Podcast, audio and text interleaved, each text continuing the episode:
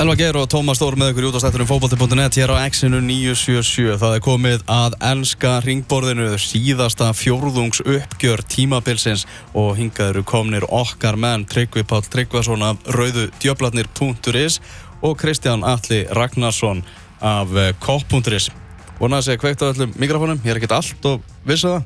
Komið sæli strákar. Nei, Tryggvi Fyrir þeir eru búin að gera það náðu lengi, þeir áttu að kunna mikrofónu Nei, sko það er alltaf alls konar einhverju sprelli þættir hérna Þú veist, að fullt Halló. sko, Þetta henda Robba Króning undir út á þetta Nei, hann er eftir okkur sko. Hann er eftir ykkur Rópi Króninga eftir okkur, það er, það er góð þáttur sko. Er, er ég komin inn núna? Þú ert komin núna sæl, Kristjana Þögguninni er lokið. Þetta er nefnilega þannig að, þú veist, það þarf náttúrulega ákveðin undirbúning eins og ef þið flettuð hérna uh, frettablaðin í morgun, þá var svona, þú veist, dagskráin á X-inu yfir virkata sem ég enda skilur ekki því að það er náttúrulega ekki virkadagur þetta en þú veist, það er mjög hér stíf uppbytun í hverja viku áður en að við sem sagt komum á lögadegi, skilur þú veist, það er um, einhverjum umræðið þáttur alltaf millir 9 og 12 sem er mennir eitthvað rífandi kjátt skilur, svo er uh, smá tónlist og svo kemur Hjörtur Hjartar. Já, þeir eru alltaf flagskip þessar stöðar, það er alveg hreinu. Staðvest Það er bara þannig. Hérna komið sælir strákar, velkominir í loka uppgjör ennsku úrvalsdeildarinnar 2016-17. Uh, hér er Kristján Allir Ragnarsson uh, svona uh, tokkalega brosandi, nokkuð vit, svona, veit það að hans lið er að fara í The Champions League. Nei, ekki, ekki gera mér þetta. Ég- bara ekki, Sting, ekki, reyna þetta Og Tryggubál Tryggvarsson á rauðutjöflunir.is ekki jafn brattur eftir já, versta tíðanbíl með Hótsum Mourinho á hans þjálfara tíð eftir alla bjart sinna í, í byrjun ás ef ekki bara byrja í, í volaðinu ára við förum í, í vesluna á, á Anfield. Jú, þessar gríðarlega veistlu þar. Það sem að mennur allavega að ná markmiðun sínum Manchester United með er, ég er 60 ósáttur við alla byrjunin á þessum Ég- hérna, Það er kannski svona ákveðin heimsbyggileg spurning sem hérna á milli okkar tryggva sko, hvort ertu sáttur við hérna, sáttur við að byggjarskápin byggjarskápinu safnir ekki en þú nær fjórðarsætinu Mm. eða að vinna tvær dollur? Við, við hvað ertu sáttur? Já, við hvað er þetta sáttur svaraði spurningum mannsins. Já, svona í ljósið þess að önnur þessi dolla skila mestlótaðarsætti Það tekið hana. Já, ég meina þú veist það er að er eins og með fjórðarsæti á Liverpool það á eftir að koma í ljós en það er ekki að vinna hana fyrst Já, En við vorum að tala um byggjarna hérna. Það er langt í frá formsætri Einmitt. En þetta tímbil, við erum, við erum núna að gera upp ennsku úrvarsleituna. Það er Manchester United í sjötta seti og það verður í sjötta seti, sama hvað gerist. 69 stig er, er, uh, það er maxið, uh, náttúrulega endalust, endalust af, af jafnteflum, a- a- allur þessi heimaðallar árangur og allt þetta. Þú veist, bara hvernig, hvernig gerur þetta upp, Tryggvar Fall?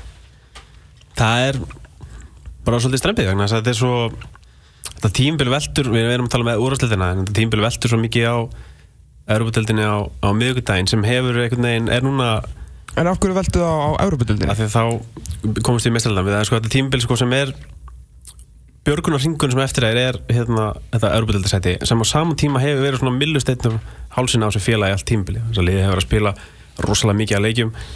Mourinho hefur verið að keira á mjög þunnum hóp sem má gagirna klálega fyrir og, og það hefur gert það að verkum að hérna, menn eru bara virka að hafa, hvað er þetta, 15 í aftifli? Ég held að það var ekki hægt að gera svo mörg í aftifli á einu tímbili uh, og það er bara sínt í þessum leikjum sko að hérna, menn eru bara oft þreyttir til þess að klára leikina sérstaklega eftir þessa, fimmtas, þessa bölvuðu fimmtarsleiki og hérna manni finnst sko eins og ég minnir að ég hef sagt að þetta síðast ég var þarna það er alveg innist að fyrir miklu fleiri stígum sko. það er alveg á, á kristaltæru en það er þessi færanýting og hérna ég veit að þetta skapar sér færi eins og topplið en nýtur eins og botlið og það er svona svolítið saga tímabilsins en hérna en sjötta seti er náttúrulega ekki nógu góður árangur, alveg klárt sko. Og það er held ég skýrist út af kannski fyrsta lagi þessu miklu álægi, liðið er að spila mjög marga leiki miklu miklu fleiri leiki en, en hinlegin deildinni. Og á móti getur maður sagt að liði ekki að ráða við það. Með, og bara að vera með hóp í það, jú, klálega og þar má klálega gaggarna morinni og fyrir að hafa alltaf keirt á sömu leikmennum í bara eiginlega öllum keppnum, líka deildabyggarnum þannig að alltaf að spila spila sömu leikmennum, meina, berum bara saman Ferguson, kannski síðastu kannski svona frá 2007 til hvað 2012 þegar hann var eiginlega alltaf í annarkort úrslítaleiki eða, eða undanúrslitum í mestraldinni, Mhm. þá var hann að keira mjög grimt á öllum sko. Veist, þá var kannski 30 manns að spila allt tímabilið og megniðin var að spila 10 pluss leiki allavega sko. á meðan Mourinho er veist, þetta eru eru kannski 13, 14, 15 leikmenn sem að spila mikið og svo eru fullt af leikmenn sem eru ekki að spila neitt og svo eru að losa sig við leikmenn þessi kannski svona hópa leikmenn sem að held að geta kannski gert eitthvað á þessu tímabili uh, Snædilinn og Depay og fleiri. Þú veist, er, þeir voru bara köttaðir út strax og ekki svona notaðir sem hefði kannski getað nýst í keppnu, jáfnvel þó að þeir var ekki inn í myndinni setna þá hefði alveg getað notað þessu tímbili og það held ég að svona skýri annan árangur, það er svona kannski vitlisar ákvarðan hjá Mourinho og svo þurfti hann að keira á þessar meistardeld, nei, Európa-deld eftir að þegar meistar, nei, fyrir þetta fjórasætti fór svona fjara undan. En þú veist, þeir, þeir sem að horta á United í, í, í hérna, veitur það er klálega innist það fyrir miklu fleiri stigum á töflunni spilalega sér, sko, en það er náttúrulega ekki það sem telur í mér. En hvað hva er þú með Mourinho, veist, er hann uh, þetta er svo, al, svo la, alversti árangur hann fyrir utan náttúrulega, þú veist, ég veit verður reyginn tvisar en við horfum bara heil tímbil Veist, bara, meina, hann er bara fyrst eða annarsættir gæi frá því að hann hefur sinn svona alvöru, alvöru þjálfara fyrir, veist, bara frá Porto og öll stóliðin síðan þá. Veist, hvað breytist það núna? Sko, ég held kannski líka bara í hóprum sjálfum séu ekki nóg margir svona öflugi leikmenn, þetta er kannski ómingja svona leikmenn sem getur nýst í hópnum og Mourinho hefur kannski reyndað að sína þann punkt þegar maður alltaf finnst Mourinho alltaf að vera allt sem hann gerir, maður hugsa að hann er að leika eitthvað leik þarna sko. mm -hmm. og maður veltir fyrir sig hvort hann sé bara að reyna, að reyna að keira liðið niður og svona, að hann sé bara, ég er ekki menn og góðan hóp í það, þannig ég ætla bara svona taka spilda svona og það fæ ég geta högg á mig þetta sé eitthvað svona mindgame sem hann spila fyrir hvernig einasta leik mm. það er kannski svolítið langsótt en ég veit ekki, ef maður horfður á þetta tímbil sko, segjum að við bara gefum okkur það að Európa-dildi vinnist á miðugdægin, þá er þetta alveg þokkalt tímbil og hérna og og er þið bara ágættis fyrsta tímbil sko. en svo dæmist hann náttúrulega hvernig gengur á öðru tí næsta tímbil þar sem mm. náttúrulega hann verður bara að vera í toppartu bara frá fyrsta degi það er í bóði eftir svona tímbil að taka annað svona tímbil mm. Þegar að Hósa uh, Mourinho kemur og, og fær þessar leikmenn sem hann næri í Pogba, Mkhitaryan og svona bjóstu við þeim bara strax í toppartu þegar kemur, kemur þetta ja, þessi svakara vondi ára í deildinni þér á óvart, Kristján uh, Ég spáði United í öðru sæti á eftir City fyrir tíanbili eins og allir bara. Mm. hérna ég Það er bara byggt á bara hans bara aldur og fyrir störfum já, og, leikmannahóp. Sko það, það ætlar engin að fara að segja að þetta sé eitthvað glatað og þú veist, ef að þeir skila annar dollin hús, jafnvel þó sem hún kom ekki þú veist, ég meina það er bara úrslita leikur eftir og það getur allt gerst mm -hmm. og jafnvel þó sem þú tapir þar og þá náttúrulega við liðbúrmenn upplifum það í fyrra að fara í úrsliti í þessari Europadelt og mm -hmm. þegar þú missir af því þá missir það dollu og mistar deltasæti ja. og það er svekkjandi, ef það gerist ekki þá ertu samt búin að fara allavega í úrsliti í þeirri keppni og búin að vinna aðra dollu og það er ekkert hægt að hlæja því en en það, ég, það hefði átt að vera hægt að gera miklu betur með þennan leikmannhóp og ég tók eftir því núna í síðan spurningi hjá þér þegar þú spurðir Tryggvaði Morinjó og Tryggvaði fór aftur að tala um breytina. Þetta er svolítið viðkvæmt á nættumönnum sko. þeir vil ekki tala um Morinjó að, að, að hérna, þetta er erfitt umræðinni hann er þarna og hann verður þarna áfram og þá náttúrulega vilja mér reyna að horfa á jákvæðliðarnar mm -hmm. en það skal engin núna nættum að segja mér að þetta hefur verið eitthvað vissla í vittur þrátt fyrir tvo úslítaleiki og annað slikt hérna lið sem að sko gerir jafntefni í þriðungi leikja sinna í dildinni og ég meina þeir fóru á þetta 25 leikja hérna óslitnu hérna tablusa gengi í dildina mm -hmm. á tímanbila alveg bara halvt árið eitthvað þess að töpu ekki leik. Og þeir gerur 12 jafntefni að 25 og þú veist þetta er lið sem að hérna skorar sjö sinnum í 37 leikum þrjú mörg eða meira í leik. Annars er þetta bara eitt 2 eða 0 mörg mm -hmm. í mhm. leik mm -hmm. og hérna og þú veist Slatan er nánast á einu sem er að ná þú veist double figures þarna og hérna þú veist þetta er bara búið að vera nýju mánu hark hjá United þetta er bara, það gerðist þarna eitthvað í haust þeir töpuðu fyrir, töpuðu fyrir þú veist PSV og Feyenoord eða maður rétt í örbudildinni og þeir tapa fyrir veist, Chelsea og, og Watford og eitthvað svona í deildinni og þeir eru svona aðeins, veist, koni skrefu eftir strax. Já. og það sem gerðist það var að Mourinho skellti bara í lás, hann fór bara í það sem hann kann og hann er bara búin að byggja þetta upp því að þeir eru með gegja varnarrekord í vettur, þeir eru búin að halda oft reynu og fá mjög sjaldan á sig mörg mörg. Þeir fá á sig uh, tvísasunum þrjúmörk eða meira í dildarleiki vittur það er bara tvö skiptir sem það gerist. Mm -hmm. það eru Chelsea og Watford aðna í haust og síðan bara skella þeir í lás og þeir hafa ekki fengið á sig meira en tvö mörk í leik bara síðan í oktober og í neittni keppni líka við. Og þetta er allt gott að blessa skilur og ef Mourinho var að ná þessum árangri með Everton komin í tvo byggarúslítaleiki og hérna og búin að vera svona rosalega varnalega sterkir og annars líkt Þá myndum við vel að fá sér starfi hjá United Já, þú veist, þá væri menn að horfa á þetta og segja þetta er bara mjög vel gert hjá liði að, ven, þú veist, eða jafnvel Leopold sem hefur verið að leika mörgum í mörg ára og þú veist, eitthvað þjálfur að kemur og tækja svona rosalega vel til í vörnina og væri maður ánæður en þetta Manchester United lið er eitt dýrasta lið í sögu knaspunnar og í fyrra sömar, ég grófaði upp þá var eitthvað tíst frá svona penna í Englandi sem að skrifaði í fyrra sumar við keiftum besta leikmannin á Ítalíu, við keiftum besta leikmannin á Fraklandi og við keiftum tölfræðilega Mkhitaryan, besta leikmannin á, í Þískalandi fyrra.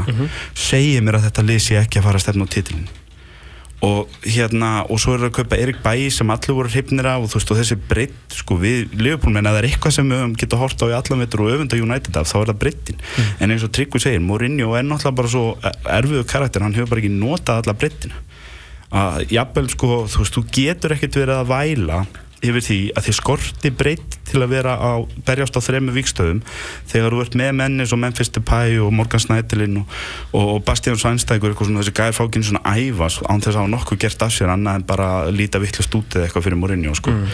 og hérna þe- þetta eru bara, þetta er bara væll hjá Mourinho í vetur. Og þú veist, það eru allir United menn held ég að fara brosandi inn í sumar eða þeir klára hennan úrslitaleik hvað sem gerðist í deildinni. Ég meina uh, fyrir 12 árum vann Leopold mestardeildina en enda í 5. sæti í deildinni fyrir neðan Everton meira að segja sem er bara þú veist skandal en það er engin að hugsa um það í dag. Bara alltaf þegar hún nefnir 2005 við Leopold menn þá svona horfaði til heimins og segja að já, þú veist það verður þannig með hérna United, menn munur náttúrulega bara að rifja upp að Mourinho tók 2-2 dollur og mestaradildasæti á fyrstu leiktíð. En það skal enginn segja mér þetta hafi verið eitthvað veistlega, þetta er bara búið að hark í nýjum mánuði með einhverja einhverja, hérna, einhver dýrasta leikmannahóp bara í sögunni, einn af þeim dýrustu við úr þannig í topp 5 yfir dýrustu leikmannahópa sögunni eða hvað það er. Og það einfallega átt að uh, hefði átt að vera hægt að gera miklu betur og það er svo oft sem að hann skýtur sig í fótinn, ég bara ég sá tölfræði um síðstælgir töfur í Tottenham í lokaleiknum á Lane og Rooney skoraði svona svona hérna sárabót í lokin. Og það var fyrsta mark sem að United skoraði á útivelli gegn topp 6 í vetur og ég ætlaði bara ekki að trúa þessar tölfræð þannig ég fór tilbaka á skoðun ég sagði, eru þið ekki að grínast í mér? Þessi leikmannahópur og þeir skoruðu ekki mark. Og ég, við Leopold-menn þekkjum þetta þeir bökkuðu tvisar í, í vörn á móti Leopold. Þeir gerðu það Old Trafford líka sko. Og hérna þangað til að þeir örðu að sækja og svona kerða eins á Leopold í lokin og Leopold gá eftir og þeir náðu jöfnunamarkinu hérna rauninu var nær því að vinna í veist þessi, þessi taktík sem við þekkjum alveg að Mourinho, hann vill bara parkera rútuna út í vellu og taka þess að menn svo heimaðli mm. hann gerði þetta þú veist með hérna, þú veist Porto, Inter og Chelsea og í mörg ár og svo gerði hann þetta með Chelsea í tvö á núna á hann að fjara undan í fyrra. En hann er bara búinn að taka þessa taktík sína á einhverja stera á einhvern sterakúr í, í vetur sko. En nú Og er, þetta, er bara, þetta er bara fárun nú er umræðan aðeins þess að varandi þess að hvernig hann er að spila upp á, á sömarið og menn fannir að tala um að þetta sé verið ekki sérst, þeir mun ekki geta fengið stóra sérst, sóknarminni. Svo nú skilju að nú á Kilja með pappi að hafa sagt bara að ég hef ekki áhuga að fara að þetta er svo leiðilegu fótbolta og svona veist, eru ekki bara að kóla algjörð búlsitt á þetta? Menna, veist, er þetta ekki bara Manchester United við talum ekki með verið mestarlildinni og þeir eiga alla peningana í heiminum í dag? Jú, jú, ég meina, Veist, er, er einhver fótboltamaður með svona prinsip í dag? nei, við sáum það líka bara síðasta sumar hvaða leikun kom inn. Ekki var United í mestrarleitinni þá. Og minna Lúi Magal ekki var liða að spila eitthvað frábúran fótbolta undir honum. Um, þessi tölfræði sem varst að þylja upp það eins sem ég hugsaði var að þetta er alveg svo fyrsta tímbil hjá Lúi Magal og rauninni finnst mér þessi tímbil mjög keimlik sko fyrsta tímbil hjá Lúi Magal þá var einmitt spilaði liðið mjög flottan bolta í fyrstu þreim leikunum svo kom hann að einhver óvæntur skellur um til Lester og þá skellt hann í lás. Og Mourinho gerði já, að einhver leitið það sama þó að ég held að hann kannski aðeins verið að íkja hérna hversu mikil varnartaktíka spiluð. Um, uh, hérna og það sem klikkaði náttúrulega hjá Lúi Vangal suma það var fullt af jákvæðan hlutum eftir fyrst tímbili hjá, hjá Lúi Vangal, það er alveg hreinu líka slatta neikvæðan hlutum. Og það er alveg sama núna það er fullt af jákvæðan hlutum í gangi hjá United og líka fullt af neikvæðan hlutum. Það sem klikkaði hjá Lúi Vangal það sumari voru leikmannaköp já þú veist, hver er eftir sem kom eftir það sumar? Mattias Darmian. Mm. hinn eru bara farnir. Og það er náttúrulega sem Mourinho þarf að gera sumar hann þarf að kaupa rétt og þarf að hitta í mark eiginlega alls þar og eh, þú talar um þessa hérna, leikmenn sem komu inn þessa hérna, besta leikmenn á, á, á, á hérna, í Fra Fraklandi og Ítalíu. Allir þessi stóðu sér mjög vel. Alveg klárt, þessi, þessi hérna, Ríkjarsúla í miðinni öll þessi kaup voru, þetta eru bestu vandamáli það er allir hínir sem eru vandamáli og það þarf að bæta það. Þarf að, bæta, það þarf að kaupa svona meiri gæði Það er, liðið. það er sem sagt engu líkar en að það sé ekki nóg að kaupa hérna uh, þrjá stóðstjórnir til að svona hilma yfir alla sprungunar í hóp Ja, Gæ, sko- Gæti verið ykkur við þetta ringborð það við sagt þetta strax í haust en ég veit ekki. Svo er, svo er líka þannig sko, Mourinho er uh, hérna, sko, þannig ákveðin mýta hann sé eitthvað svona varnar sinnar þjálfara parkir alltaf rútun því að hann er sko, liðin að skora alltaf Ekki alltaf, en ótöfelli gegn toppsæðis allavega, og hérna, ég meina eins og United núna fyrsta sinn síðan Ferguson hætti að liða að skora 100 mörg yfir tímabili það er ekki gerst núna eitthvað 3-4 ár? Já, þeir líka að spila yfir 50 leiki. Uh, allavega, hérna tröflað þannig, ég man ekkert hvað ég ætla að segja núna. Það var hérna ó, hvað varst það, sko, þú varst alveg röglega með það. Bara- Ég bara kálaði þeim með staðnendum þetta er bara svona. En það, það er hérna Næ, ég man eitt hvað ég ætla að segja. Það var eitthvað rosa punktur, ég man hann eftir. Já, en United bara það er þá hvað þannig, fjóra í viðbútt og spóla meir út Já, bara, bara kaupa meiri gæði og ég meina, þú veist, þetta er, þetta er mannstæðan þetta er ríkasta félag í heiminum og þó að þið kaupi leikum fyrir 200 miljonir, þá var það bara dróp í hafið. Ég meina, þið keftu Paul Pogba á 100 miljonir það var eitthvað 15% að heildar veldu félagsir þetta er ekki neitt. Nei, nei, þetta skiptir einhver máli. Og þú veist, það, það er bara, já, ég meina, akkur ekki að nota þessa peninga? Og við erum búin að vera með þessa gleisar hérna, blóðsugur hérna, loksins fara þannig að punga út einhvern peningum og bara gott að nýta það loksins Færum okkur yfir í Leopold Kristján Alli það er bara, það er risastar leikur alltaf um, um, á morgun um, til að komast í, í meistaradeldina um, er það, veist, ef, að- ef að svo fer er það sattur? uh, Já, já Ekkert meira en það? Ég, hef sagt það á netið og við að mér leiðist þessi, þessi hérna baróta um fjórðasættið Það er ekki fjórðarsætti, þeir nú eru kannski þriðarsætti mögulega líka. en- getur verið stór hættulegt þriðja og fjórða munar einhverju miljón í, í veluna fyrir Já, þú veist, það er náttúrulega bara fyrsta- og munar því þú þarf sko. ekki að fara í umspil í ágúst. Það er náttúrulega væri stóri kosturinn að geta bara gengið út frá mistradeldinu vísu. Og, og náttúrulega í umspili getur verið stór hættulegt ef þið verið ekki sýta sko. Leopold hefur ekkert verið mikið í Európu þannig að þeir verða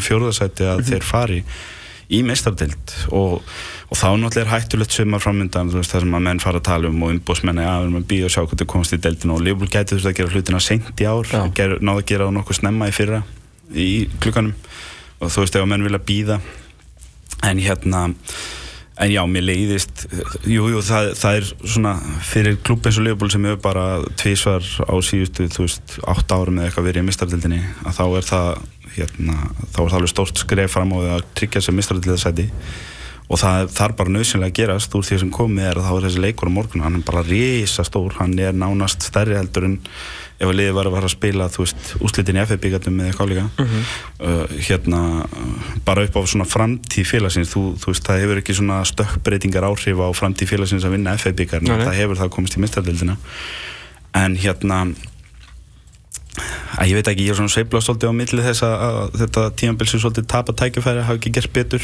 verandi ekki í Európa-keppni og Mhm. í þeirri stöðu sem liðið var um áramótin en hérna Ég ljósa þess hvað ég gerði síðast þegar það voru ekki að Európa sko. Já, en hérna úr því sem komið var uh, svona í februarlokk þegar að menn voru dotnir hérna niður all, allaleg niður til United í deildri ok, ég skal hætta að skjóta en hérna að, að þá, þú veist, náðu að að að um og, og það er náttúrulega bara mjög fínt. Það hefur verið svona ákveðin það hefur verið ákveðin karakter í liðinu undanfarið. En hérna, og svo náttúrulega bara framöndan leikur gegn einu af langlílugustu liðunum í deildinni á heimaðallu og að- öllu eðlulegu væri það mjög góðar fréttir. Þú ef þú myndir byggja um leik eða þyrstar að veist, velja mótir eða svona lokaleik þar sem að sigur er það eina sem að, sem að hérna dugir. Mhm. Þá myndir alltaf taka þetta millisporulið sem skorar ekki mörg á útivelli. Þess að þetta á Anfield en, hérna, en þetta eru akkurat leikirni sem Leopold hefur verið vandræði með í allan vitur þannig að ég er ekki að fara að sofa vel í nótt. Það er alveg hrein Hvernig hefur liðið svona hórtið þér tryggvi? Bara þokkalega, þetta er bara svona Leopold Gengur ágætlega og svo fjarar einhvern veginn undan þessu. Svona, En komast það aftur á ról og þú veist já, já. En svo síndi sér náttúrulega bara eins og alltaf að þegar hérna kemur eitthvað smá leikjáleg þá bara klikkar þetta. Og hópurinn er náttúrulega bara ekki næstuðin og breyður í eitthvað smá álæg hvað var þetta einhverjir?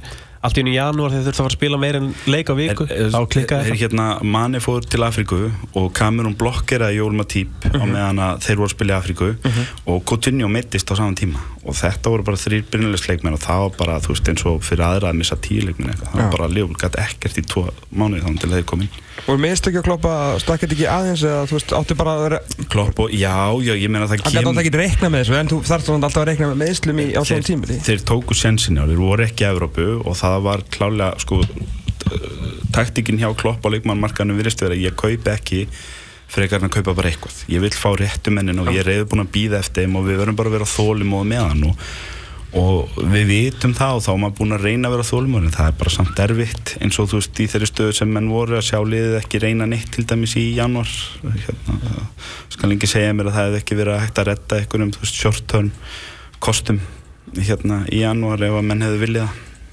En er það klopp eða, uh, eða eigandahópurinn sem að, að janúar ég held fjalla að séu bara sömu blessu Já, gæti líka ekki bara verið svona almennt vegna þess að ég veit að United var alveg að, skoða eitthvað svo, það vorum fullt að leikma orðað við hann, þeir veginn gerði ekki neitt í því, það hefur klálega verið þörf á því að bæta þessu í hópin Já. og ég hugsa að það sé bara mjög erfitt fyrir þessi ennsku lið með öllum þessum peningum sem komin inn að kaupa hann í janúar, þessi lið hann á Portugal og Ítalíu og, og Spáni þeir ljóta bara að vera að byggja um fáralögur upp að þeir akkur þannig í, í janúar. En ég held að sé bara svona, en það hefur þessi janúarglöggi minka mikilvæg hans hvað, síðustu 2-3 tímbil, það það er maður að valla að koma leikmenn inn í þessu fyrir, fyrir klubb eins og Liverpool líka þá er erfitt sko hérna svona tapmörkin þessi leikmenn sem að þeir virðast hafa áhuga og eru flestir sko búin að vera að spila Európa-keppnum í vetur og Liverpool gæti ekki búið upp á það í janúar þannig að þú veist, akkur átti Julian Brandt til dæmis að færa sig yfir til Anfield í janúar þegar hann var að spila í meistardildinni eftir ármút og hérna, þú veist, þú voru að segja nei, ég ætla, ég ætla að gefa hérna, þetta MV í 16 úrslutum upp á bátinn til að fara núna. Í stæðin fyrir að segja nei, ég býð og sé hvort þið komist í meistardildin og kem til ykkar í sumar. Í sumar þannig að þú veist þessi janúarmarkar er erfiður en, en það er samt alveg hægt að gera eitthvað ef viljin er fyrir hendi. Hvernig er hérna, nú eins og allir vita og við höfum ofta auglist eftir með prókur á, á þessum reikningi og veist hvað er til aðna hvað, hvað er innstæða fyrir að kaupa mikið og hversu mikið gæði ef við gefum okkur því að fara í, í mestrarhaldina Herru, ég kíkt á enga bankan í gær Já, hjá, hjá FSG og hérna það er bara það sama það, er, hérna, það eru til alveg sko okkur á fleiri hundru miljónu punta Já. en heimildin er samt alltaf bara 20 miljónu punta. Vond þannig að þú verður alltaf að skila því netto sko í lok mánadar og Það- það, það er alveg saman hvað er segja þangar til að kaupa fyrir meira en 20 miljónu netto Já. á, á sumri að þá er það bara það sem að maður trúr ég trú engu sem þeir eru að segja um að það sé til einhverjar fleiri hundru miljónur og Liverpool sé núna þarf að kaupa einhverja Pogba leikmenn veist, að kaupa á því level ja, ég, ég trúi því þegar ég sé það því að þeir eru búin eiga klubbin í 8 ár eða 7 ár núna að verða í höst og hérna hafa annarkvort verið að koma út í plus eða á sléttu eða í svona mestalagi 20 miljónur í mínus yfir sumarið og, og það er, Liverpool þarf það ekki í sumar. Hérna ef kannski einhver einn eða tveir fara Alberto Moreno og kannski Sturridge mm -hmm. svo Liverpool þarf bara í rest þú veist líka Ragnar Klavan og eitthvað þú veist þessi gæjar sem eru ekki nógu góður eins og kannski Klavan þurfa bara að fara neðar í þú það þarf að auka breyttina Það er mótis og deildabyggarinn og Liverpool græðir ekkert á því að láta þú veist, Klavan fara og kaupa Van Dijk og láta Sturridge fara og kaupa Striker og láta. Moreno fara og kaupa bakvör og fara með nákvæmlega sem breytt og Einmitt. er voru með inn í Európa-keppnir og annað slíkt næsta auðvitað þegar Liverpool þarf bara núna að bæta við svona fyrir utan kannski að skipta tveimur þreimur út að bæta við fjórum-fimm gæðaleikmunum viðbútt í þetta lið svo að það sé ekki alltaf bara allt undir brot og slit ef að Coutinho eða Sadio Mane voða sér að missa leik mm. En er uh, Coutinho að fara? mm, einhvern tíman já Já, ekki sumar. Nei, það, eh, ég, ég myndi ekki veðja á því sumar en uh, ef að Leopold er að fara í mistallitina þá myndi ég segja að hann sé sennilega ekki að fara í sumar. En maður veit aldrei, þú veist, hvenær kemur eitthvað heimsmynda tilbúið eitthvað frá Barcelona. Það er alveg ljóst og ég, þú veist, ég skal bara veðja húsun og bílnum á það hér og nú og hann verður í Barcelona 3 eftir fjör ár. Spurningin er bara hvenær það gerist. Mm. Það verður mjög gaman að sjá þetta sumar hjá Liverpool vegna þess að þeir þurfa náttúrulega ekki bara að bæta við gæðum þeir þurfa líka bara að bæta við bara tölu í hópin þess að ráða við. Og þeir hafa ekki ráðið við að gera bæði Nei, á einu að- og þeir þurfa náttúrulega að þeir alltaf gera einhver hluti til til næsta ári þá náttúrulega þurfa þeir að það síndi sér bara um leið í janúar, leið á kom meira leikur á viku þá hrundi allt. Þannig að þeir þurfa að næsta, næsta tímbili verður meira leikur á viku. Þá er annarkvort meistadildin, vonandi Európa-dildin og hérna þá þurfa, þeir þurfa þá að hafa þessa breytt og ég menna síðast þegar ég fór í meistadildina þá gáðu nú bara að skíti hana. Þá var gaman svo hvort klopp gerir eitthvað svipað en þeir þurfa klálega að bæta þessi gæðum og magni og ég velti fyrir mig bara hvort Þeir- það. Þannig að það verður mjög fróðult að sjá Þeir, gáðu svo sem ekki skít í mestardildina það sem gerðist var bara liðið var hérna þeir, þetta var einhvern veginn svo þetta var einhvern veginn svo mikið svona ferði í Disneyland eitthvað að fá að fara að taka þátt í mistæðlinni þú veist þegar hérna Rafa fór með lið á fyrsta ári mistæðlildina þá mættu þeir bara svo neina eitthvað Juventus og Milan eitthvað. Við erum bara mættir hér til þess að gera eitthvað á okkur. Mm. Og meðan að svo þú veist hjá Rodgers þegar þú veist Real Madrid kom í heimsóknu það hérna þá hérna þá var hann meira bara svona einhvern veginn að, að hérna já þú veist tala fyrir leik þú veist þetta verður erfitt og þú veist þeir eru frábært lið og þú veist við erum sáttum í aftablu eitthvað svona bara eitthvað kæftæði sko. Þú getur ekki farið með það að huga að fara í mistæðlildin þú verður að taka þú veist Monaco í vetur á þetta og segja bara herru við erum bara líka góðir og ef að þið haldið að við séum ekki af góður og þið þá eru það ykkar mistök og við skulum bara sína ykkur það.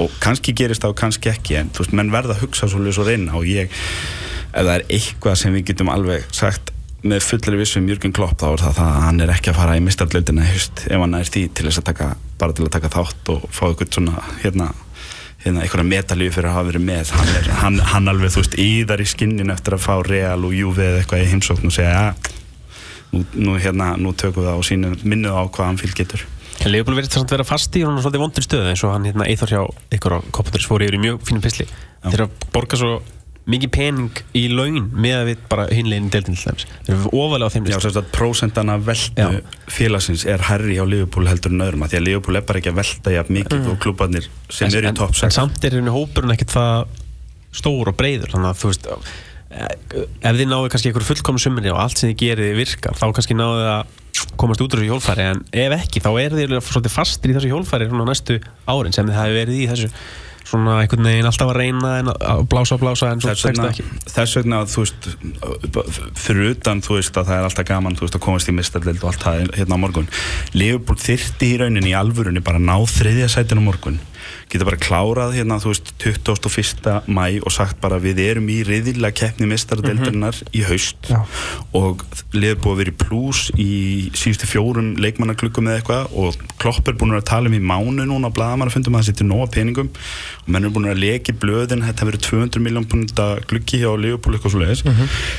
því að þá erum við bara komið með þú veist bara svona reynd borð fyrir FSG og við getum sagt ef þeir delivera ekki í sömar þá geta menn bara afskrifa þá hafa þær bara ekki fjárhagslegt borðmagn í að keppa við stórulegin og það þýrst í rauninni bara að gerast bara til við fáum svarið einu sinni sko. mm. og ef, ef, ef, veist, ef það gerist, ef að Lífbólun nær þriðasætinu og svo er þeir aftur veist, bara 20-30 miljón punta netto í, í pluss hérna, eftir, eftir gluggan og, mm. veist, og það er búið að þurfa að selja stöðrits til að geta keift fram mér og eitthvað svona dæmi sko þá getum við bara sagt heru, Leopold er bara á ákunnum stað þar sem að þeir verða bara, við getum hægt að láta okkur dreymum að menn getur verið eitthvað að keppa um Kirjan Mbappe á markanum eða hlýnstórlinu og eitthvað svolítið sko. þá getur við bara glimt í sko. Þetta er náttúrulega þannig að samfunum fyrir landsin hundu aldrei að vinna með skúrúslildinu það er náttúrulega koma alltaf út í pluss en eh, já, Manchester United og, og Leopold þetta verður vægarsagt áhugaverðu gluggi hjá, hjá báðum liðum,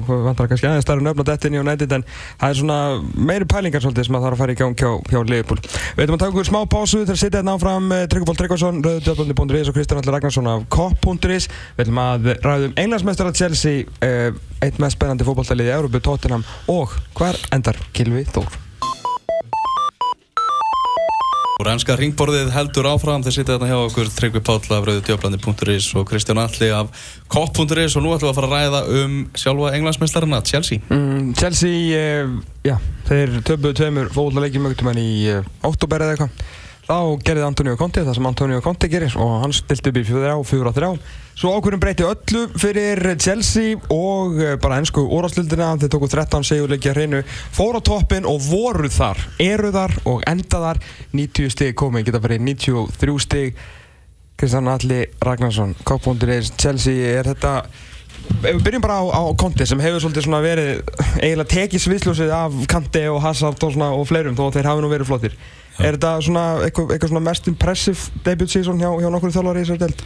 Þegar það hafa áður, áður hafa menn unni á debutu og svona, en er, er það eitthvað við þetta? Ég Já, ég meina, þetta var alls ekki gefið, menn, menn finnst mér að hafa gerst svolítið lítur með að segja, þú veist, þetta eru Chelsea og þeir eru geggja mm. leikminn. Það var engin að ræða Chelsea, ég er alveg samanlega. Já, það var engin að spáða mér haust Nei. og gleymið því ekki sko að hérna City voru að taka ennþá starra til sín, mm -hmm. Guardiola, Já. og þeir voru með helmingi meiri leikmannakaup í síðasta sömurklukka, þeir eittu helmingi meiri peningum netto heldur en Chelsea og hérna Chelsea rauninni bættu Engol og Kanti við og þú veist, var það nokkuð annað? Annars, Alonso. Já, Alonso í bakkurinn og Ég sem að náttúrulega bara Og var varamæður þar til að hann skipti um Já, kerfi. það, það var engi, þú veist, það var engi stuðnir með annar að liða eitthvað, ó, hvernig tóku við ekki Alonso? Bara, þetta, hérna var, þetta var meira svona, var þetta ekki gauðin sem spilaði fyrir hérna Einmitt, einmitt. Mér kanti en bara endur vega, hann alltaf kaupir nýja leikmenn með að setja bara heilan aftur í Hazard og, og, og hérna Matic og fleiri og Kosta já, það, hérna hann bara, er þetta ekki 15 ári í röðu eitthvað sem að konti vinnu deildakefni Fjórað fynda fjórið eða fymta hjá honum röð, hann tók sér hlið hérna eftir Juventus til að vera með landsliði Einmitt. Og hérna, þetta er bara maður sem kann að vinna deildir. Hann er, hérna, við getum kallað hann Ferguson deildarina núna, gaurin sem að þú veist kann á deildakeppni og hann bara Já. er með þetta. Og það er ekkert eh, Jú þessi þannig að 12-13 líka síðurinn hann alltaf lagði grunnina og svo er eiginlega bara eðilögu deildakeppnina og ég sagði þá svona í síðasta ringbóður að hérna væri bara fúllútið að hafa eðilegt fyrir okkur. Það sem hefði verið alveg geggju titil bara þetta frá bara hérna sjötta sæt og onwards ef, að, ef að þeir hefði ekki verið búin að stinga af tóttinam svona náði næsti að gera þetta spennandi í En tóttinni með þeir bara svolítið yfir sig. Já, Chelsea, þú þú veist unnið ekki, er ekki búin að vinna síðustu fimm í röðu eitthvað eftir að það er töpustuðum eða fjóra eða eitthvað. Þannig að þeir eru alveg að enda þetta á fullu gasi líka og náttúrulega konni í byggarúslitin líka og gætu á endanum tekið tvennuna. Við vitum alveg hvað það þýðir. Það komti að vera fann að leita sér að nýju félagi eftir tímanu alltaf þegar menn hérna hvort hvort sem það er Di Matteo eða Ancelotti eða eitthvað sem að hérna sem að vinna á fyrsta tímabili hjá Chelsea þá, þá, ef mann voga sér að vera ekki alveg jafn ógæðislega góðir strax í desember og næsta ári þá, þá, hérna, þá snýr snekkjan í Allandshafinu, hún snýr í áttalundunum og, hérna, og byrja að sigla til Englands og það er bara móðið smættur og þú veist, það er tappa mistadilda líka í desember eða eitthvað. Einmitt, þá takk fyrir. Þá eru Rafa Benítez mættur um áramöndir Hvað hérna tryggum við með, með, með þetta Chelsea lið en manni finnst samt einhvern veginn ok, þetta var ótrúlega flott hjá þeim og allt í góð með það en þetta er, veist, mununum kannski eins og hann, hann finnur þetta kerfi og er náttúrulega með geggja leikmenn og eða mestu peningar á Ítalíu þannig að veist, það er ekki eins og að- að leikri hafi verið einhverju barslið eftir að hann tók við þessu lið þeir eru bara, orðnir, þeir eru bara algjörlega reigning kings.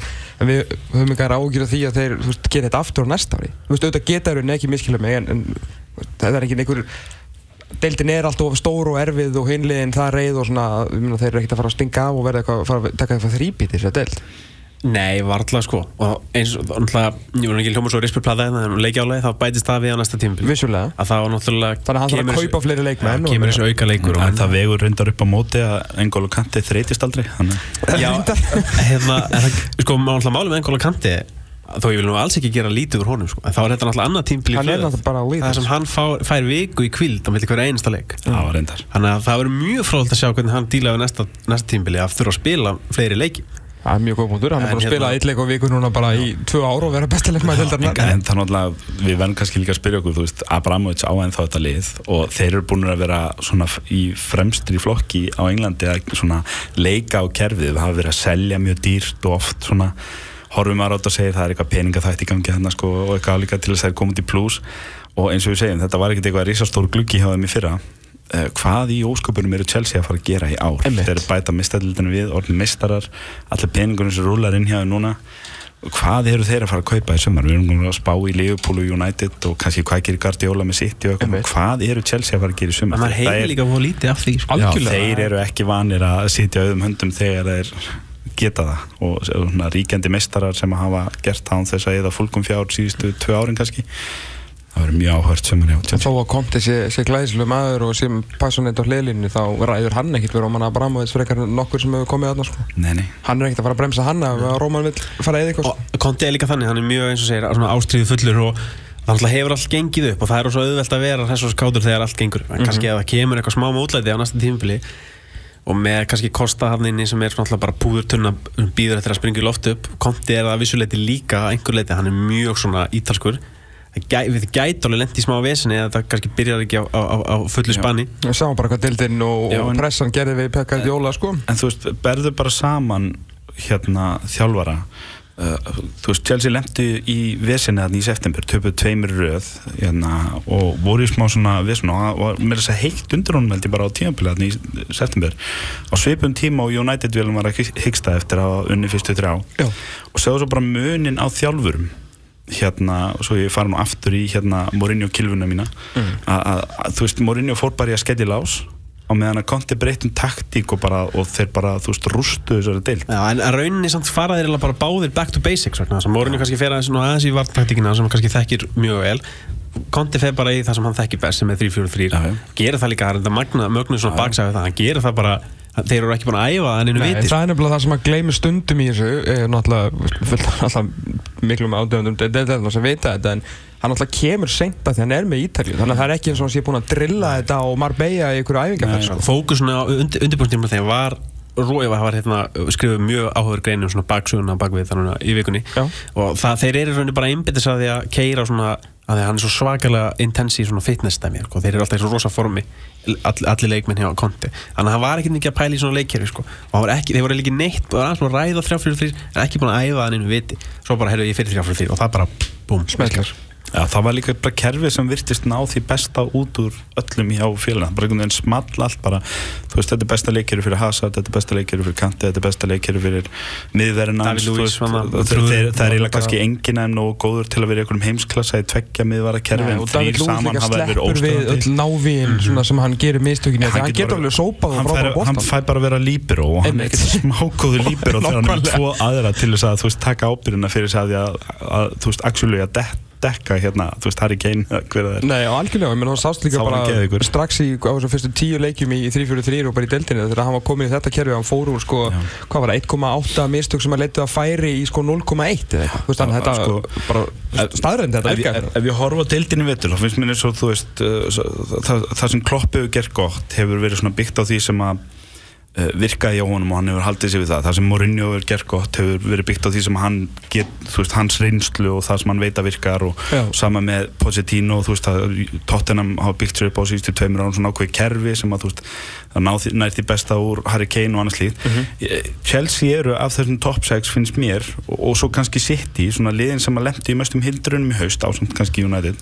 Hérna og Chelsea fannst mér vinna dildina að því að Conte reyndist vera sá sem var bestur að leysa vandamál og bestur að aðlaga sig þegar það þurft að breyta aðeins um stefnu. Og hann breytur um taktík og hann, veist, hann breytur um liðsval. Fabrikas kemur sterkur inn í lið hjá hann og svo, þú veist, eftir að hafa verið á Heldur honum bekknum góðum og hann er, sko, stóðsendingahæstur, heit, sko. já, William var heitur í haust og svo kælar hann hann aðeins og hann með Petro, hann er Petro í gang aftur. Þú veist, hann, hann, þegar Diego Costa reyndi að fara í janúar þá bara tók hann það og hamraði bara, þú veist, ég ræð og, en svo eru þeir alveg perlu Einmitt. aftur, hann bara náði einhvern veginn að tækla það rosalega vel, hann bara reyndist einhvern veginn vera sá stjóri sem að, þú veist, uh, svona öll liðin lemti í Olgusjó og hann var einhvern veginn sá eini sem að misti, misti enga ferð í gegnum, þú veist, stórbremið og, og, og þess vegna eru þeir besta lið og, hérna, þú veist, það er öll þessi lið eru með frábæð leikmenn, þeir, þeir eru ekkert að vinna þetta því þeir eru með betri leikmenn heldur en City eða, eða Tottenham eða United eða Arsenal eða Liverpool. Þeir eru að vinna þetta því að þeir voru liði sem að aðlaði þessi besta breytum aðstæðum og misti ekki flugið og, og bætti í þegar allir aðri voru svona einhvern veginn að upplifa erfiðu vetramann og þetta er náttúrulega, er náttúrulega rosalega trósa því að meina, við sáum bara skildi hérna utan á þessu húsi fyrir mót. Það var ekki sko Sanchez og Zlatan eitthvað sko, það voru Já. bara stjórarnir í deildinni. Já, þessu er já. alltaf mest top heavy sko stjóradeild í heiminum í Ég, ég, legg þetta, ég legg þetta bara, þú veist, algjörlega fótum Antoni Conte og eins og ég segi þess vegna verður ennþá skrýtnara heldur en venjulega þegar hann verður búin að missa starfi eftir ár. Þurfum að halda þess áfram, förum í, í Tottenham. Er Tottenham tryggvi náð þeir að verða stórlið núna í ennsku úrvastildinni? Eru þeir komin á þann stað, þeir bara halda Harry Kane, þeir halda Dele Alli, þeir halda Tobi Alderfereld þú veist, og Erik Dyer og bara, þú veist, og bæta bara í og, Næsta og, skref hjá það mér bara að verða englandsmestari Ég, ég segi það, þróun en, það, en til að taka það skref þá verður að halda öllum þessum görum sko. algjörlega og bæta við og svo, að- svo bæta og við, hérna en við- númer 1, 2 og 3 halda þeim Algjörlega og ég, við sáum þá líka bara framan á tímbili voru þeir ekkert eitthvað stórkostlegir sko þá voru þeir líka aftur spila meir en eitt leik á viku detta svo hægt og rólega út úr öllum keppnum þá fara þeir fyrst á flug og þeir þurfa náttúrulega bara meiri gæði hér og þar en Pochettino er er einhver stjóri í heiminum fyrir kannski fyrir utan Diego Simone sem er að kreista eins mikið út úr einu leikmannhóp Pochettino. Ég held ekki sko. Og ef hann bætir við við erum ekki að tala um einhverja heimsklassa sem það þarf að bæta við. Bara svona meiri gæði í hópin þá ættir klálega að geta tekið þetta stig upp sko, Ég, í titilin en það verður erfitt, það verður mjög erfitt það er alveg klárt sko. Ég held sko við erum að tala um uh, hvort er ná að halda öllum þessum leikmennum ég, ég held að sé þú veist, ég held að ef að tóttina stundismenn ætti að hafa ágjör einhverju fyrir sumari þá er það Positino frekar en leikmennir. Já. því að Barcelona er að leita sér að þjálfara. Ekki, ekki, eins lengi hef ekki mistað einhvernum fréttum þar þá er það ennþá bara vinna þá vinnu og það er ekki svona einhver augljós kandidat kominljós nema Positino og hann, þú veist, hann hefur búið í borginni, ég veit að hann er með tengslu Espanjólan slíkt en ég Hann, hann hefur útilokað það sjálfur. Já, Hann segir bara ég get ekki veit það, tekið en þegar að fútballklub de Barcelona skilur kemur og leggur bara heiminn að að meira en fí- bara- bara ef félags að menn eru ekki, þú veist, í, á stjórnarfundum hjá Barcelona núna að ræða það bara af fullri alvöru að þetta er maðurinn og hvað þurfum við að gera til að ná í þennan mann. Mhm. Þá er eitthvað að á þeim bænum og við vitum alveg að það er ekkert að á þeim bænum. Nei. þannig að þú veist ég, ég myndi ég vei, ég, þá eru ykkur eftir að bjóði Harry Kane eða Dele Alli í sumar eftir tímabilið sem þeir eru búin að eiga og svo framvegs ég, sem, ef maður verið tóttina maður þá myndi ég sofa verri yfir Positino heldur en þeim öllum. Og burt sér frá hvort þeir vilja fara ekki þá er náttúrulega bara Daniel Levi þannig maður og hann er að fara að heimta svo mikið pening fyrir þessa leikmenn það, flest lið eru að segja bara, já, nei, það er eitthvað En það hlýtur líka að vera að selja þessum mönnum, veist, þeir eru að fara nú, sko, þeir eru náttúrulega að vera aldrei englismestar næsta ári, þú veist, quote me á þetta núna, ég get bara ekki beðið eftir að, þú veist, Þeir eru ekki að fara að spila heilt síðan svona það, það spurs, er, spurs, sko. nei, ég, það, ég er bara tala um út af Wembley, sko. Ég bara, ég trú, ef þið verða mestar á Wembley, bara, þú veist, well done, er- svona, en ég bara get ekki segja að gera. Þetta er erfitt árhjáðum líka út af því ég heldur þurfa að vera aðeins kannski stiltari en hinn uh, fimm liðin í top 6 á leikmannumarkanum í ár af því að þeir eru að fara að spila heilt tíambila vembli og þeir munu örgulega selja upp þar sko, og þú veist það er náttúrulega helmikið starri völlur heldur um vætastlegin var. En þar eru þeir ekki að fá sömu sniða kökunni þú veist, hvað var þar miðasölun og annað veist, þeir verða náttúrulega að semja frá sér til að fá að vera í heimsóknar vembli í ár á meðan þeir að klára að byggja nýja völl sinn. Og það kostar líka að byggja hana nýja völl. Og þeir klubber eru búin ótrúlega vel rekin að geta, þú veist, það svo mikil munur að vera í þessari stöði, öðru sæti og leiðinni byggtin í riðlakeppnina með þetta lið að geta sagt við sjálfa sig, við þurfum ekkert endilega annað en bara halda og bæta eins við breyttina, þú veist, það er svona leikminni svo hérna Vincent uh, Janssen eða hvað hann heitir sem að þú klikkuð og svona að reyna að finna eitthvað svona sniðu á kosti, svona eitthvað svona Shane Long típur og eitthvað sem getur svona aukið hans breyttinni hjá þeim í sumar og reyna annars bara að halda þessum dampi frá því ár rétt á meðan þeir eru að flytja á nýja völlin og þannig að þetta er bara ótrúlega, veist, frábær staða sem þeir eru í. Þeir gátt ekki beðum betur stöðu á leiðinni í þetta umbreytingatímabila áður en þeir fara loksins á nýjavöllin og þennan kostnað sem fer í þetta allt og svona kannski smá tekjutap næsta veitur en að samaskapi að þú veist, þá svona voga þeir sér ekki að missa dampin á næsta ári, þannig að þess vegna held ég að fyrir þá, á meðan við erum að tala um hvað allir aðrir ætla að gera á leikmannamarkanum þá er fyrir tóttunum með líkilatri bara haldi í Positino og halda í strákana hans þess að gæja sem er að bera þetta lið uppi og keira á því lið áfram næstu 12 mánuðin ef að tóttunum er ennþá í topp þremur eftir ár þeir eru fara á nýja völlin þá er þessi klúbu bara komin til að vera. En, Tottenham- en þú veist, nú er svona Já, já. nú er Að í að Já, nú, geti eitthvað gerst Já. þú veist, ef menn missa flugið eða missa Pochettino í sumar eða eitthvað mm þá geti þetta orðið svolítið vestam erfitt. En það tóttalega minnir mig mjög mikið á eins og það hefur spilað eftir áramót á svona fyrstu mestrarlegin hjá Ferguson sko. Það sem við mæta bara í leiki og eru bara svo miklu, miklu betri en hinliðina þegar hinliðin eiga bara ekki sjens það er alveg sama hvað þau eru að reyna að gera. Þau eru bara svona gjörsanlega keirð niður. Og það er bara það er ekki tækt að mæta svona liðum inn á krassmiðlum Við uh, í síðasta, í þriðja fjórðungsuppgjörinu, þá tókum við uh, franskan knastbyrnustjóra sem heitir Arsene Wenger. Fengum að heyra það hérna í mötuneytinu hérna upp í vinnu daginn eftir. Ég heyrði eitthvað tvo félagi að vera að drulla yfir mig og Kristján Alla Já, það var líka, það var, já, ég, hafði- það var haft samband við mig á, á Facebook, þar sem var eitthvað gauður sko að drulla yfir. var, það í fyrsta, það fyrsta sinn sem þú áttaðir þig á því að fólk hefði skoðan þessari, þessari leðju sem kemur út úr okkur hérna lögatum Og hérna, já, Arsenal bara fannst mjög skrítið að henga verið fengnir einhverju tveir menn sem til að, hérna, sem held ekki einu sinni með liðinu sem að og ég veit, ég veit sérfræðingar kemur úti, Arsenal. Já, ég, eins og ég segi, ég meina, þú veist, við höfum fengið hérna, fullt af Arsenal-mönnum til að tala um raun, en þú veist, þið eru bara, hérna, við erum bara að tala um Arsenal og svo er þetta líka bara sárt að því að sannleikurinn er náttúrulega drullu sár, sko. Og glemir því ekki Arsenal, veist, þeir eru búin að halda sér og Wenger er búin að halda sér hérna í, í, í stittugerðinni, við býðum eftir stittunni út af þessu magnaða árangri hans að halda liðin í mestaradildinni kringum allt og jara, jara, jara, sko. En nú er uh, þetta bara komið á það stegi að þeir eru búin að vera núna á Emirates í fullt árum og titillin hefur ekki unnist, þeir hafa alltaf verið nálætt í, náðið tvo byggara, þú veist, bara bravo. En nú er það engin meistardild. Já, Og komið það í. Við sjáum til Það var, sorry, það bara, þetta verður ekki. og þetta svo hrættu við að leika morgun, það er leindist En ok, við þurfum að gefa, við getum alltaf ekki tala svona Tölum um bara þannig ef að þetta fer alltaf vestaveg Liverpool og Manchester City eiga uh, léttari leiki á morgun Arsenal bara frekar erfiðan leik þótt þó hann skil, Nei ekki Evertón Nei, þeir eru að fá Everton í heimsótt ef þú veist eitthvað um Liverpoolborg ég sá á Liverpool Echo í vikunni að það var skoðanakönnun, kæru Everton stundismenn væru þeir sáttir við tap gegn Arsenal í lokaumfyrinni ef að það þýtti að Liverpool kemist ekki með stöðdeldina og 87% sögðu já og það voru 10.000 sem kausu Þetta menn Þannig svona að- fætta og uppalda lið Það er bara- menn eins og Romelu Lukaku minn er ekkert að fara að mæti í hennar leik það er bara þannig. Er Ok, öll liðin vinna að þá kemst Arsenal ekki.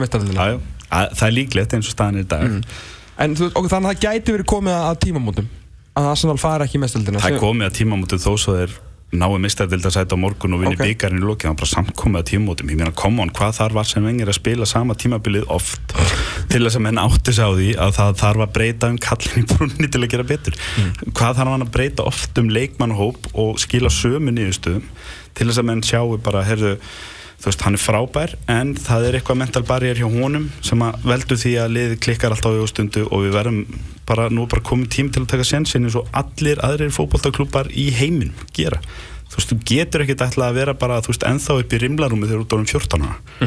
Og hérna með bleiuna og snuðið þú verður, einhvern tíman verður að þú veist, taka sensin og þessi klúpar gera það allir reglulega og það er alveg sama hvað þjálfarinn heitir og þú veist, þessi gæjar hafa allir lendið að vera reknir, sko, sko hvað er heita? Nema klopp, hann er aldrei rekinn. En hérna, En hann, hann, mun, hann, hann mun aldrei vera rekin, skilur þú, það verður já, að- já, já, ég meina hann fær frönsku leiðina, sko, tekur hún húlýjar á þetta hann fær að halda blaðamna fundir sjálfur og segja að nú sé komið gott. En þú veist, hann gerir það greinilega aldrei ótilnettur, það er alveg orðið nokkuð ljúst mann finnst líka einhvern veginn svo eina ástæðan fyrir að hann sé ekki hættur sé bara því að hann veit ekki hvað hann á að gera þannig hættir þetta er það eina sem hann þekkir og hann svona hrættu að fara eftirlun og ef það er staðan. Þá er hann bara nóg stór fyrir klubbin Ég getur tekið vikingi þegar að leita sér stjórnum. Flottur það En er ekki, þú veist, líka bara það hérna, að hann langar þú veist, er ekki gefa hann það líka að hann, þetta er búið að vera nógu djöfelli langu tími. Og vantarlega hefur hann bara brjálaðan metnað og, og bara fyrir því að kom, vinna þetta aftur og hvað, reyna hvað er með titli sko. Já, þessi metnaður hefur alltaf verið til staðar það er ekkert að breytast þar. Og þá náttúrulega þarf félagið að segja heyrðu, þetta er ekki alveg að virka sko. Það, en þeir eru alltaf vilja það ekki. Hann er, hann er bara, hann er félagið félagið ætti náttúrulega bara að heita Arsen í staðan fyrir Arsenal. Og það, nýjustu fregnir herma uh, Gasíti stjórnaformaður hafi einhvern veginn, ef hann vilja halda áfram þá þarf hann að neyða venga til þess að fara í eitthvað svona struktúrbreytingar á þjálfunarkerfinu og skátingkerfinu þú veist, eh, eins og við, við munum hérna eftir síðast í vorum, það kom Kristinn allir með svaka sögum að, að vengir stjórnaði öllu, allt frá fljóðljósunum á úlingavöllunum sko. Já, já, ég veit þannig að þú veist, einhvern veginn þarf svona að fara að dístruktúra þetta tilbaka svo að sé hægt, ég meina, hann, einhvern tímann deyr hann ef hann, ef hann hættir ekki sko. Þetta, Sko, svo horfi ég líka bara á, á sko, gluggana því að mér, mér Við vorum, við erum, þeir, við bara- þeir eru bara komin lengi. Og við vorum alltaf að tala um það hérna og, og, og Kristján Alli svona heldur lengi upp í vörnum fyrir hann með að þú veist að hérna fjárráðin væri ekki mikil það væri hann að koma svo út úr sem er stæmi og allt í góðu með það. En síðan kemur Ösil kemur Sanchez og þú veist þeir fara að kaupa alveg menn og maður svona ok, þú veist, gefum þessu smá sens en hvað gerir svo í sumar? Hvað er stærsta sæningi þeirra? Granit Xhaka? Já veist, ég, ég sagði öllum það hérna fyrir mót sko, veist, ég, ég er ekki ykkur sko, skátt í hans skúrastildinni en ég hef ekki sagt ykkur hann myndi ekkert geta í hans skúrastildinni sko.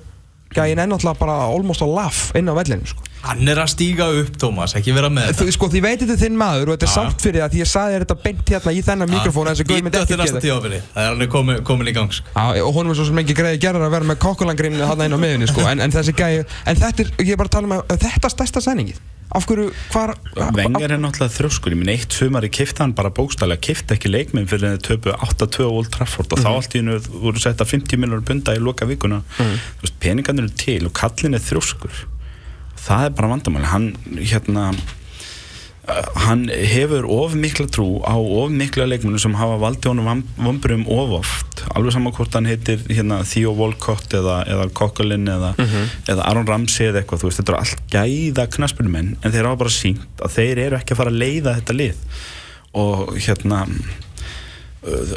alveg sama að þú veist við hugsaum um þetta sem gæða leikmenn. Taktu til dæmis Arsenal bara núna og segðu mér hvaða leikmenn í Arsenal kemust í byrjanlið hjá Chelsea. Uh, engin Alexis Sanchez, Sanchez, en þú veist, en af, af hverju? Eh, jú, jú, jú, ok, Sanchez Sanchez. Hann er ekki ekki þér Özil kannski. Veit ekki. Ok, ok, þú veist, ná, þú erum bara, Ég- ég meina, það er náttúrulega erfitt að því að skilur, þú þú ert að tala um meistarna sem er á Já, flugi, ég sko, get en samt þú- að- við erum bara að tala um gæði fyrir gæði. Já, ég er að tala um, þú veist, það eru gæði í þessu liði og það sem Arsenal hafa alltaf tryggt sér, þeir, eru- þeir eru alltaf haldið svona einhvern í þetta, hann klúðurar aldrei mistaraldildasætinu og það er svo gott peningalega því að ekki eru þeir í mistaraldildinu til að taka þátt, þeir eru alltaf dotnir út í 16 úrslutum og hérna og þetta er einhvern veginn bara samt ekki nóg. Og mann finnst eins og þeir ætti að geta verið búin að gera betur. Og þú veist, hann bara kann hann kann, hann bara kann ekki. Hann er ekki með stilt, hann er ekki verið með hana í einn og halvan áratug og eitthvað, á einhvern tímapunkti þá verður mann bara hægt að vera hissa þegar Arsenal byrjar að ströggla í januar Og erum með þrjá leikmenn, eða hvað, tvo til þrjá, hvað var að segja, sem að myndu ganga inn í hinn top 6. Já, ég meina, við Leopold-menn erum ekki svona meðurkir við erum búin að gera þetta núna þrísvar eða fjórusunum í röð, þú veist, að missa flugi eftir áramót og við erum bara farin að sjá gegnum þetta. Og Arsenal-menn er ennþá eitthvað, nei, hann þarf bara að kaupa réttu leikmenn en, en svo núna loksins við þetta hafa snúist við og það, maður, fleiri heldur um færi Arsenal-menn sem maður tala um segja núna svona hálf sorgbytnir sko, þetta er svona svipa eins og að segja að afa gamla hann þurfa að flytja út. Er En menn eiga líka ekkert að vera hrætti við að óttast að fari að, ég meina, hversu, úr hversu háum söðli er hann virkilega þetta næsti stjóri, það eina sem hann þarf að gera til að matcha Wenger undarfarna ár er að ná meistræðatræð það er ekki svo að segja komað inn til þess að ná titli strax. að pressan er ekki það gríðilega mikil þannig séð sko. Áður en við förum í, í velunafendingu frá ykkur Örstutt um Gilva Þór Sigursson og, og, og stöðuna á honum. Uh, Verður hann áfram í, í Swansea? Eru, eru möguleikar á því? sko Í 28 ára þarf að fara að komast í Champions League. Þetta þetta er að vera svona síðasta sjans að taka stórt það múf er nú aldrei. Já, það ekki. Hvernig myndi hann passa inn í tóttunum í dag? Hann, alltaf, þú veist, Tim Sherwood kunni ekki á Gilva og Andri Víðars Bóas veitist ekki kunni En nú er þess að komin út á kantinn aftur og svona er að spila það hlutir alltaf öðru öðruvísi. ekki að hlaupa upp og niður kantinn hann er svona, það sem hann á að vera í síðasta frábært þreifun tóttenanlið þetta segir mér að hann get ekki slegið Lamilla út. Jú, jú, ég er bara að segja einmitt, en fær hann að spila þetta hlutverk svona, fengi hann að spila þetta hlutverk svona hann er að náttúrulega ég held að hann sé nógu góð leikmaður til að aðlega segja því. Já, þó svo sé aðeins breyta kröfur hjá liðin svo Tottenham eða, eða Arsenal eða hvernig sem það veri Evertón kannski svona það nafn sem maður er að heyra oftast Það, varðandi- það er svona lang oftast talað um það, þannig að við hljótum að þurfa að fara að taka það svolítið alvarlega. Von- ekki, mér er vel við Gilva. En er, er það ekki svona stærsti klubburinn í ennskúrústildin þar sem hann gæti actually orðið stóri fiskur Jú, E, já, er svona einn af stóri fyrstofnum, sko. hann er það náttúrulega aldrei hjá tóttina hann er kannski alveg sæmilega stór fiskur en aldrei stærsti sko. Nei. Er ekki Evertón svona fyrir utan bara almennt hatur þitt á, á Evertón? Bara sem að þú ert bara skuldbund til að uh, gera? þetta er ekkert hatur, þeir eru bara lúsirar Já, já, Það er svolítið erfitt sko. Svipa á mér líður hérna hugsun liðból En, okay. en þú veist, Kóman, skilur, hann verðist virkilega viljan. Hann spila svolítið bolta fyrir Gilva. Þú veist, þetta er þokkarlega stórt og fórtfæriðt lið þú veist, lúsirar Já. þetta er ekki góður endingastæður ég myndi aldrei það. Ef maður vill vera ef maður vill fá borga fyrir að vera í topp 10 í ennskúrústildinu og metnaðurinn ekki meir en það þá, þá er það bara fínt hjá honum. Kóman gerir fína hluti með auðvitað hann tryggir á í topp 10 og hérna er tónum við sko. Lu- Lukaku er að fara í Lukaku er að fara í sumar þannig að þú veist ef að plani hjá Gilva er að vera með að delta þá getur hann alveg eins verið á Ból Clement og Swansea því að það er flottur eigandi þar sem að hérna mun gera allt til að passa að þeir séu ekki svona tæpir aftur. Og hérna þannig að að mínum að þetta ángríns og hlutlust mat að hérna og ég er ekki, ég er ekki að djóka hlutlust mat, því hann gæti alveg eins verið í Swansea og fengið smá launahækkun og orðið fyrirlið þar og eitthvað svona eins og, eins og að fara til Everton en, en hérna ég væri til að sjá hann taka sensinn ja, innan eða utan Englands hann alltaf á alveg valkosti á Fraklandi og Þískalandi og ég Ítalíu held að bara vilja svo rosalega mikið vera á Englandi þó að þú veist, bæjarlegu ég Þískaland mér RB Leipzig? Tottenham, Liverpool, Arsenal og, og United hafa ekki áhuga hann Ég þekki hann í það bara það er aldrei ef, eitthvað, ef eitthvað svolítið bankar á dittnar alveg sama hvert að þessum fjórum þá myndi ég íhuga það. Ég tekja Miklu frekar með Everton. hotspinnunar sko. Herru, förum við í verður eitt, eitt ándi gera en að- að hann ætti kannski fyrst og fremst að horfa á það hver spilar frammi með honum í næsta lið Þannig að hann spila langt best þegar hann er með eitthvað svona lurka eins og Lukaku og Boni og Lorente. Því líkur, sko, annar fyrir utan að grann taka sigur minn, sko að hafa óbillandi trú á Fernando Hjörand Einu maðurinn af þeim vagnar, sko. Einu maðurinn. Rengja stað, en þegar hann fór á Já, stað hann fór hann á stað líka, enda með Gilva þó sigur ekki, hérna, flest tósningar á milli tvekja leikmanna Já, en það Fernando Renda, hann er bara búin mjög þreytur hann var einu svona, þjálfvarinn hans uh, var einu svona Marcelo Bielsa. Já. og allir leikmenn þar eru basically dánir af því að hann er bara svo ótrúlega gröðuharður Herru, allavega, hérna, við förum í velja fyrir ég glemdi náttúrulega henni þannig að við erum bara að mala og mala þetta er allt á langt uh, við fórum báðum ykkur að velja lið tímabilsins besta leikmann, besta þjálfara, besta unga og floppið Er það ekki rétt hjá mér? yes. Ok, Ef við byrjum bara á liðinu, við þurfum að skauta svolítið hratt yfir þetta, við byrjum á bara markverður, tökum þetta bara svona saman, markverður hjá þér, Tryggvi Páll, Hugo Lloris. Kristján Alli. Ég hef búin með Lórís í allan vettur Já, með það bara. Heldur við það. Herru, varnalína þín Tryggvi, og í hvaða kerfi ertu í? Já, auðvitað 3-4-3, það kemur ekkert Að ekki reyna sjálfsög. Er ég með Vertongen, Bæ og Aspili Kueta í miðvörunni hjá mér Þú með leikmann í Manchester United í liðinu. Já, mér finnst uh, sko að eitthvað sem United hefur gert vel á stímbil þá er það vörninn og þar hefur Erik Bæ farið fremstur í flokki. Þannig að mynd mér mjög mikið á nefnina vitits öðundaförðinu svona á, er að verða þessi lauta í vörninn sem við þurfum að halda Erik Bæ, sagður, Já, Vertongen hjá Tottenham Já, og, bara, og- og, og hérna Aspili Kueta spila hann ekki hver einustu mínuti á Chelsea já, rétt. Uh, þín vörð, í hvaða kerfi þið? Ég er 3-4-3 líka Vi, við, Töluðu ykkur saman, eða? Við heldum konti í síðasta uppgjöru og við heldum okkur við það Flottir. hérna, Ég gerði eina breytingu frá því í síðasta fjónus uppgjöru En þetta er náttúrulega tímabilið. Já, þetta er allt tímabili og Já. sko, ég segi eins og Tryggvi Aspil Kvita, hérna, frábær með Chelsea í vetur, Vertongen frábær hjá Tottenham, þeir eru búin að vera báðir í liðin hjá mér held ég allan vetur og ég held mér bara við þá, ég tók í þetta skipta og tók ég Antonio Valencia sem ég var með síðast af því þá vildi ég velja eitt frá þremmu bestu varnarliðunum í dildinni Já. ég tók hann út núna fyrir mann sem er að fara að verða United leikmaður og heitir Michael Keane. Langaði svona að gefa litla Ah, gaman því. hérna, hérna, Michael Keane er einfallega búin að eiga þannig tímabili að það hafi verið orðan við þrjú lið í top 6 og þá eru menn bara búin að vera góður í vittur Höldu því til haga að Louis van Gaal leta hann fara og hafði frekar trú á Patti McNair Ah, sem að ekki að- gera lítið úr Pætur Magnér sem að var toppmaður. að Hann- setja nýtt net í getilísi á ja, Þú getur valið á milli Patti McNair og Tyler Blackett Ah. Hvað er Tyler Blackett í þetta? Hann er hjá, hérna, hann var í einhverju liði sem var í umspil núna, ég man ekki hvað Já, já, ok, eitthvað laus Miðjan, Tryggvi. Er, Ég var hérna með Kantið náttúrulega, sjálfkjörinn Auðvitað. En ef við eftir bakverðina En ef þeir eru á miðinni, já, tjók Ég kann þetta kerfi ekkert, ég er bara að horfa á bjótt og þessu Já, hérna þetta er Óli Jó í einn og einn. Bara jú, ég, hérna, þetta er auðvitað fínt kerfi ég bara kann ekki á og treystum ekki til að tala á leikmennu En bæði vei ég get samt alveg nota þetta, ég bara, þá þarf ég bara að tala á leikmennu Við fyrum að banki en eftir tíu sjóndur Herru, þú ert með strækar á, á kantinu Uh, já, ég er með hérna, Kyle Walker bara því að mér finnst það er eitthvað hægri bakur sem er eitthvað að skara fram úr fyrir utan kannski Viktor Moses, ég bara nefnt ekki að hafa Viktor Moses þarna. Og ég er ekki endilega á þessu Valencia-vagni, þú veist, hann er solid 7 þú veist, gera það sem hann gerir vel en ekki neitt umfram það, þannig ég bara hafna því að hafa hann þarna. Og Alonso náttúrulega sjálfkjörin líka. Og Kante og, og Dele Alli er hann á miðinni, bara bestu miðmennir á Tímabilinu. Í klálega Kristján Alli, Ég svindlaði hans þarna, ég setti eh, svona vangmenn í, í vangbakverðina í þessu leikherfi af því að ég, þú ætlar að sækja já, ég er sammálunum, ég netti ekki að vera tilnefna þessa bakverði og þurfa að skilja einhverjar kanónur eftir utan liðs. Ok, þannig að hérna miðjan er náttúrulega bara Engol Kanti og Dele Alli. Já.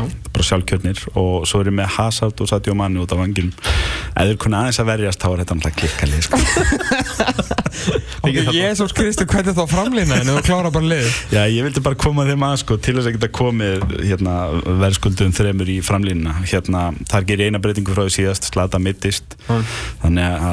Mm. þannig að býta það svo efni og, og hérna, Alexis Sanchez svona bjargaði því sem bjarga var því voru hjá Arsenal þannig að hann er frammi með uh, Romelu Lukaku og að sjálfsögðu Harry Kane.